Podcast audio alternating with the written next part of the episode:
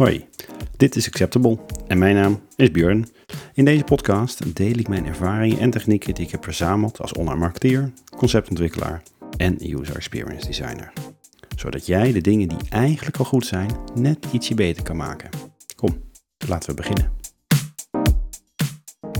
Zo, hè, daar zijn we weer. Het heeft even geduurd, maar eindelijk een nieuwe aflevering en deze gaat over sequencing. Nou, wederom een Engelse term. Nou, en als we deze vrij vertalen, kom ik uit op volgorde aanbrengen in of dingen in een volgorde doen.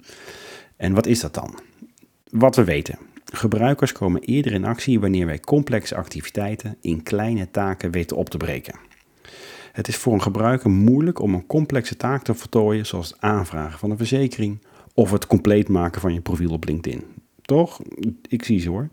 En uh, wat is dan hier een oplossing voor? Nou, breek in plaats daarvan deze complexe taken op in kleine, gemakkelijk af te ronden acties. En dit kunnen dan stappen zijn in een reeks, lineair proces, of gewoon een lijstje met items die moeten worden ingevuld om door het systeem te komen.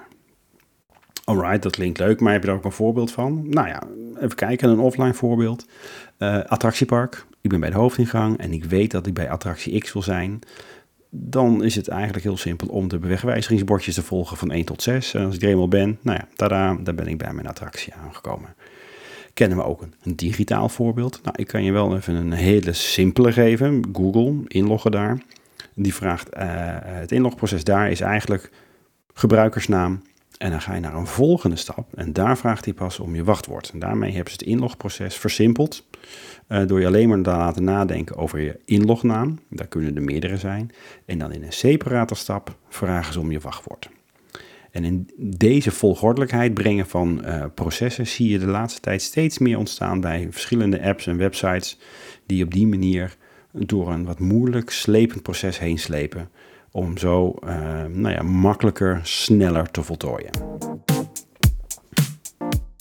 Zo, nou dat was deze aflevering. Dankjewel voor het luisteren. En hopelijk zie ik je snel weer bij de volgende. Hoi.